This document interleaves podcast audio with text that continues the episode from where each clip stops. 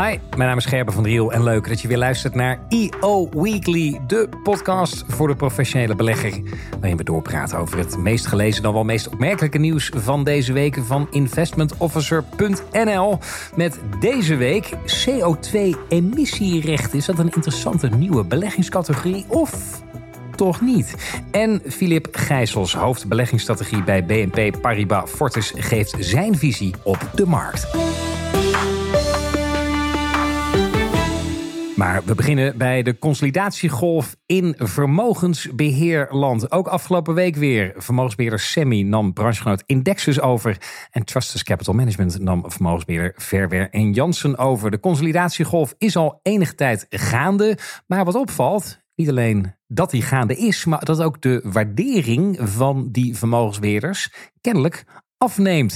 Ik praat erover met Stefan Achterberg, partner bij KPMG in de M&A Corporate Finance praktijk, gespecialiseerd in financial services. Stefan, ja, hoe komt dat dat er voor vermogensbeheerders kennelijk steeds minder betaald wordt? Ja, ik denk dat het ehm, de vraag is of dat zo is, maar als het zo is, zou dat natuurlijk best kunnen door de toenemende druk die je ziet vanuit de regelgever.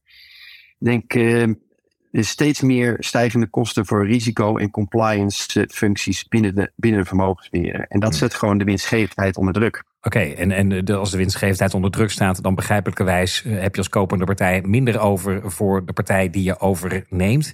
Ja, hoe kom je überhaupt tot een waardering van een vermogensbeheerder? Waar kijk je dan naar? Ik denk wat in de sector natuurlijk vaak besproken wordt, is een percentage over het beheerd vermogen. Er wordt vaak over gesproken. Dat is een, eh, een, een makkelijke metric om met elkaar te vergelijken. Maar eigenlijk is dat niet hetgeen wat de waarde bepaalt. Het gaat namelijk echt over die, die winstbijdrage in de toekomst. Zoals het net ook al uh, aangaf met die, met die dalende kosten. Mm dus wat bepaalt de waarde is eigenlijk toekomstige winst. Uh, enerzijds uh, die je zelf uit de portefeuille haalt. Maar bijvoorbeeld ook winst die je kan realiseren door het synergievoordelen te, te behalen. Door bijvoorbeeld twee vermogensbeheerders samen te voegen. Ja, en, zijn die synergievoordelen dan ook ja, zijn die makkelijk te behalen? Want in algemene zin, wat ik weet over fusie- en overnameprocessen. Ik bedoel, er zijn natuurlijk regelmatig overnames.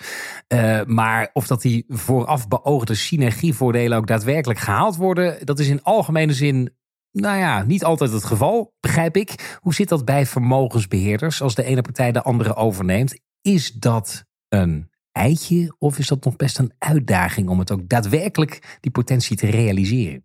Ik zal niet zeggen dat het een eitje is, maar uh, zeker dingen in het risico- en compliance domein, waar sommige kleinere vermogensbeheerders gewoon eigenlijk echt te klein voor zijn, brengt schaal wel echt synergievoordelen. Um, het, is, het is veel makkelijker om gewoon één persoon dedicated in dienst te halen die dat voor een bredere groep doet, dan dat je ergens 0,3 FTE nodig hebt om je compliance bijvoorbeeld op orde te krijgen. Ja, precies. En daar zit dan ook, dat is ook natuurlijk ook de, een van de redenen dat die consolidatiegolf überhaupt plaatsvindt. Ik wil graag straks met je verder praten over hoe maak je nou je bedrijf verkoop klaar en waar zie jij het nou naartoe gaan in die vermogensbeheermarkt gaan we naar Luxemburg, waar de fondsindustrie worstelt met nieuwe belasting.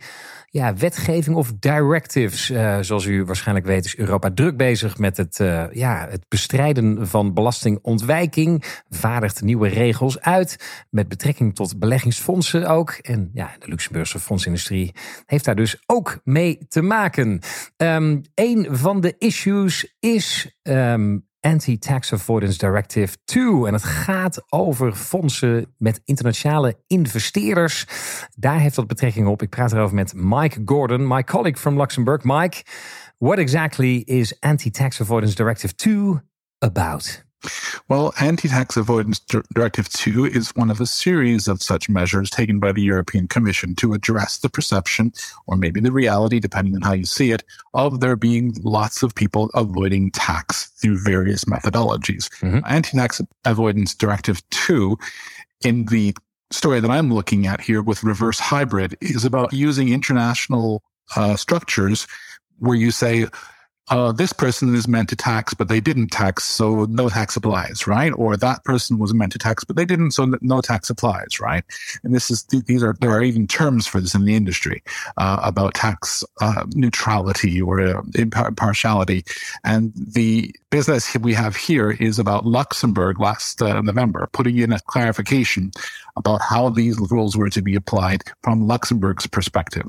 So this was taken as a very helpful clarification under the budget rules last November, mm-hmm. but there are always wrinkles. And this is why they're still talking about it six months later, because there's a question of now, how, how are people working this out, right? Yeah. Because now, okay, we know that certain people don't have to pay tax under this rule, but certain people, if they do have this situation, still might have to. So if one partner does have this problem and another one doesn't have this problem, how do you work this out? How do you share the burden? Mm.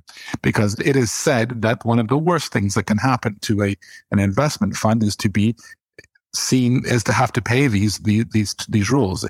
It's not supposed to be taxed. These funds are not supposed to be taxed. No. Okay, and that's also in your article, right? It says uh, they said I think the biggest risk is for a fund to be treated as a hybrid entity, which yeah. means having to pay tax. First of all, I'm not jealous uh, of the people who have to work this out, but uh, what are the implications? What now, Mike? Well, various companies now have to talk to all of their investors, find out how their home country taxes the structure that they're part of.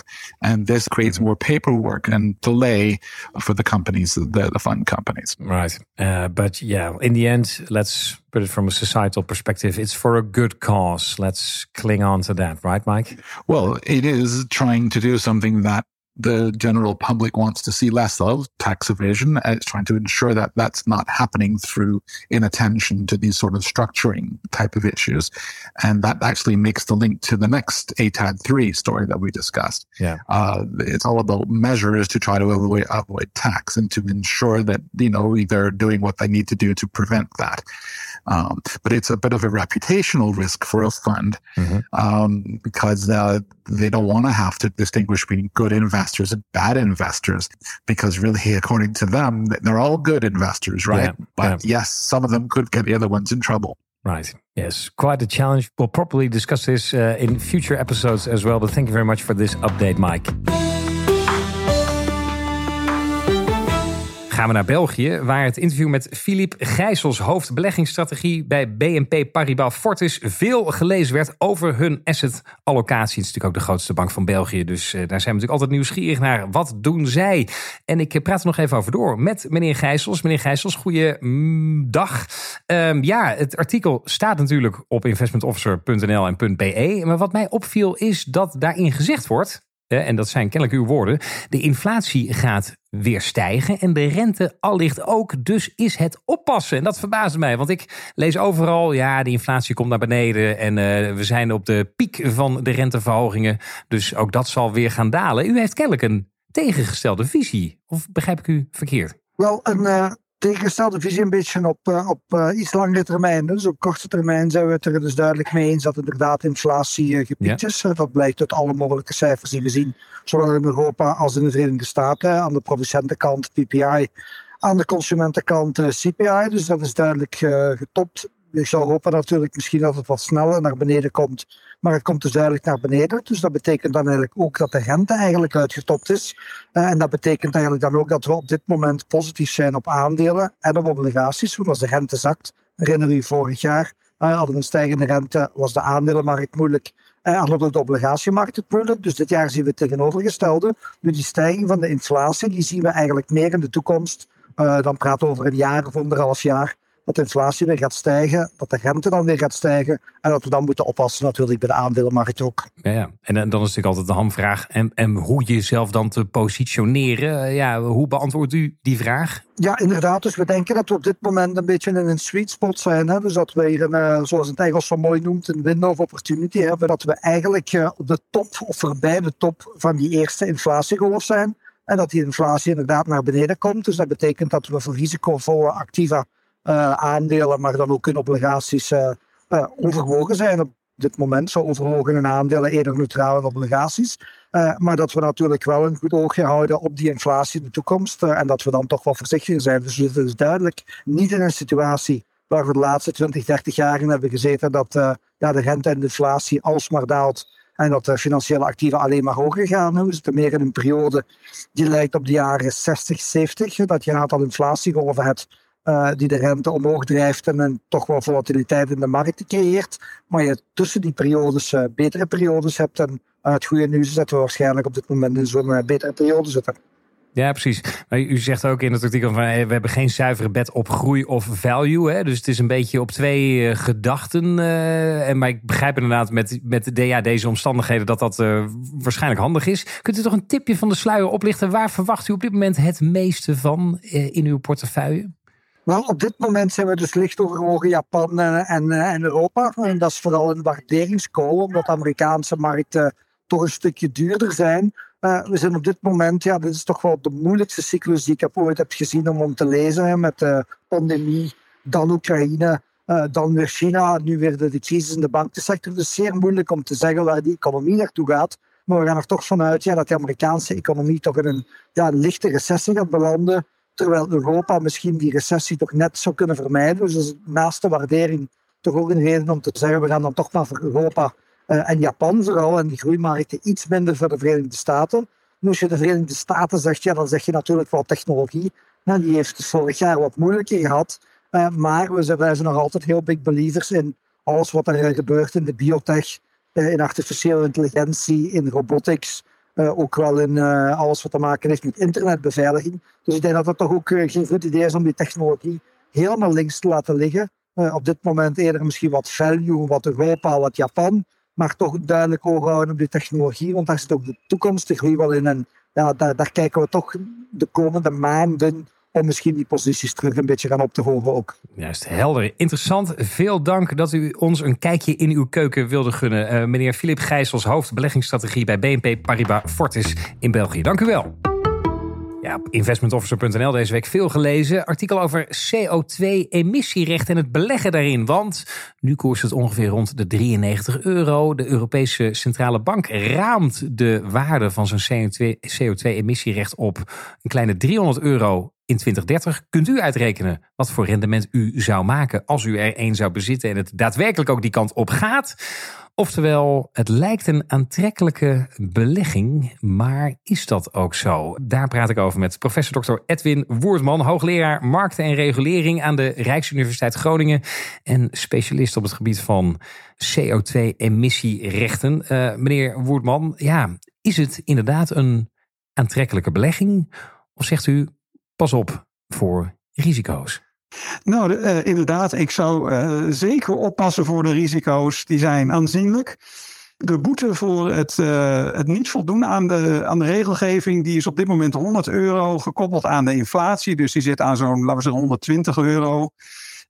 die gaat omhoog naar, hè, met de inflatie stijgt natuurlijk mee ook richting 2030. Dus die, nou, dat zou je kunnen zien als um, als de maximumprijs eh, voor deze markt, waar het niet dat je ook nog een reparatieverplichting hebt. Dus op het moment dat jij niet aan die wet en regelgeving zou voldoen, en de meeste bedrijven voldoen daar natuurlijk aan, maar in het geval dat ze dat niet zouden doen, ja, dan moet je ook nog de gemiste emissiereducties later inhalen. Dus uh, op deze manier, dit, is een soort van, nou ja, een, U-bocht op basis waarvan je uh, op enige manier zou kunnen redeneren wat de prijs in 2030 en ook verder zou kunnen zijn. Het grootste probleem is volgens mij uh, uh, toch met name uh, ja, wat, wat economen dan regulatory failure of, of overheidsfalen noemen. Hè. Dat is wel een beetje een hard woord, want je kan natuurlijk gewoon zeggen van ja, de overheid die, die, die grijpt in in de markt op een manier die, die haar goed dunkt. Maar dat is natuurlijk wel het risico dat je hier loopt. Het kan best zijn dat de overheid gaat ingrijpen op een gegeven moment met maximumprijzen in deze markt. Je weet natuurlijk niet hoe hoog die gaan liggen. Mm -hmm. Een ander punt is, en dat speelt ook heel nadrukkelijk in deze markt, dat is het het, uh, het vooruitzicht van het linken van verschillende emissiehandelssystemen. Uh, dus je zou kunnen denken, de, het aanbod wordt heel krap uh, in de markt in Europa. Ja, dat zou je nou denken, hè? want, die, want de Europese ja, Unie zeg maar, geeft steeds minder van die rechten. Dus die, die, het aanbod wordt steeds krapper. En dan, dan zou je zeggen, nou, dan, dat is bevorderlijk voor de prijs. Maar er zit dus een addertje onder het gas, begrijp ik. Nou, zeker. En die prijsstijging is al enorm geweest. Een paar jaar geleden zaten we op 5 euro per ton CO2 hè, per emissierecht. En dat is inmiddels uh, gaat het richting de 100. Ja. er zijn allerlei verwachtingen. Uiteindelijk neem je een risico en het kan naar de 300 euro gaan. Het kan ook op de 150 euro blijven hangen. Of 130 of iets dergelijks. Mm dat, is, uh, dat is echt koffiedik kijken. Dus je neemt echt een risico. Maar het punt is inderdaad, eh, wat gaat de overheid doen? Gaat de overheid op een gegeven moment, stel dat die prijs naar, naar die 300 euro gaat, uh, laat de overheid dat gebeuren? Of uh, gaat de overheid toch ingrijpen?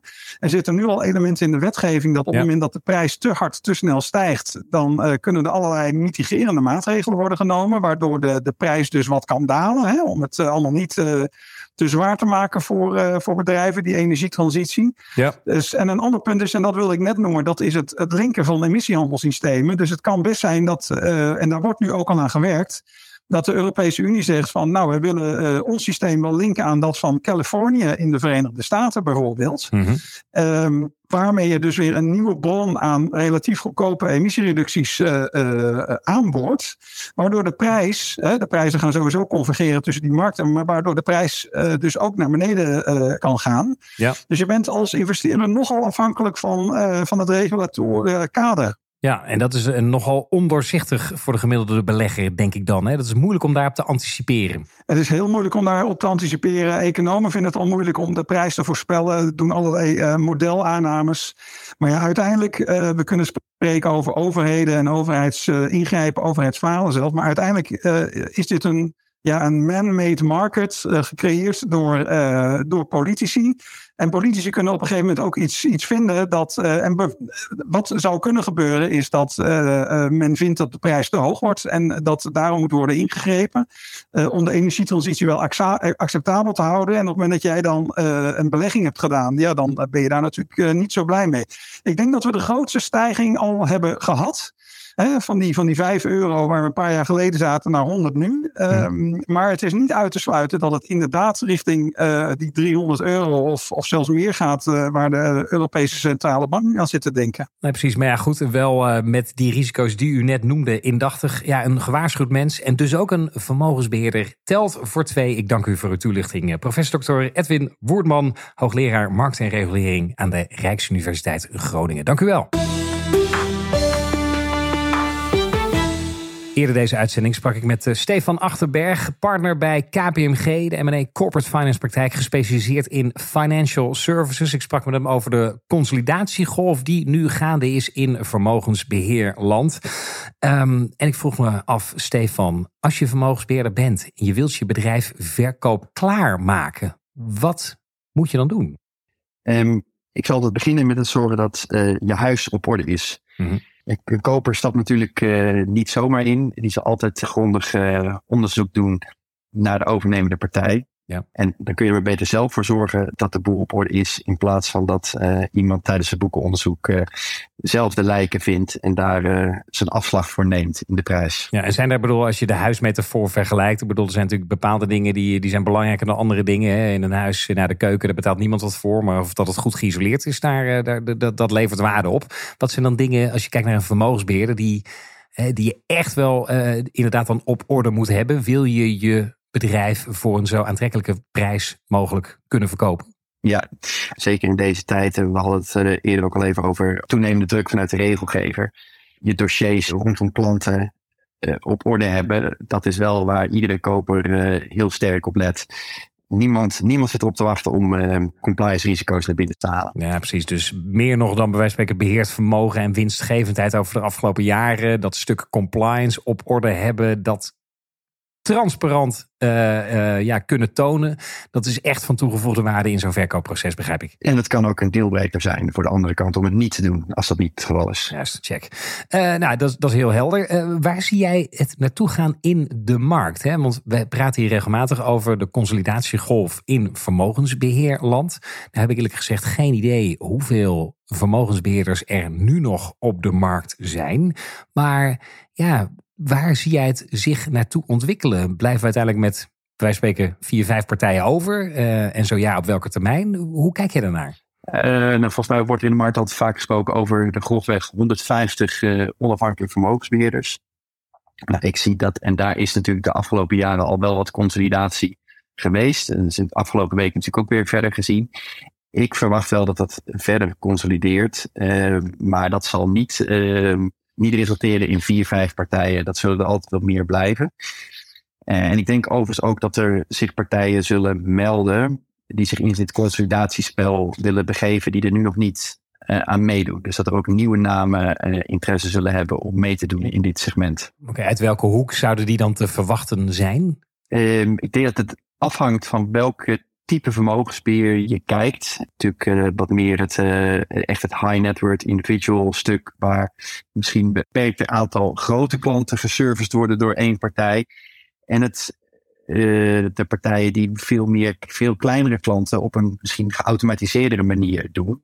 En het, de interesse zal verschillen per subsector, zo gezegd. Oké, want ik kreeg in één keer de wildste fantasieën deze week natuurlijk ook in het nieuws dat Apple in samenwerking met Goldman een spaarrekening eh, gaat openen. Iets in die geest uh, zag ik voorbij komen. Dus ik kreeg in één keer uh, fantasieën dat, weet ik veel, mensen uit partijen uit hele andere sectoren zich misschien op die vermogensbeheermarkt gaan storten.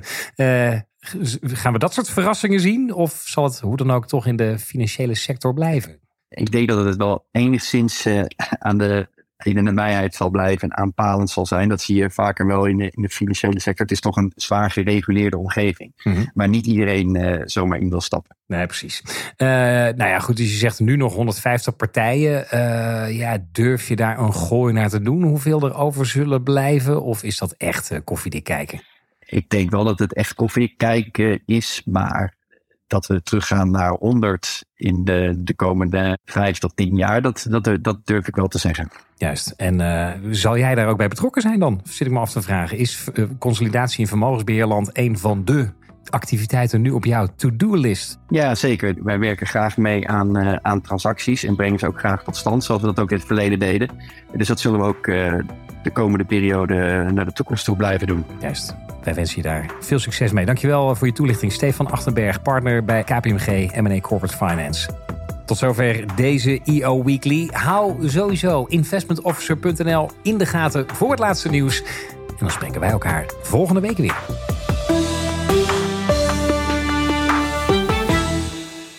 Deze podcast is mede mogelijk gemaakt door State Street Spider ETF's, aanbieder van de meest liquide ETF ter wereld.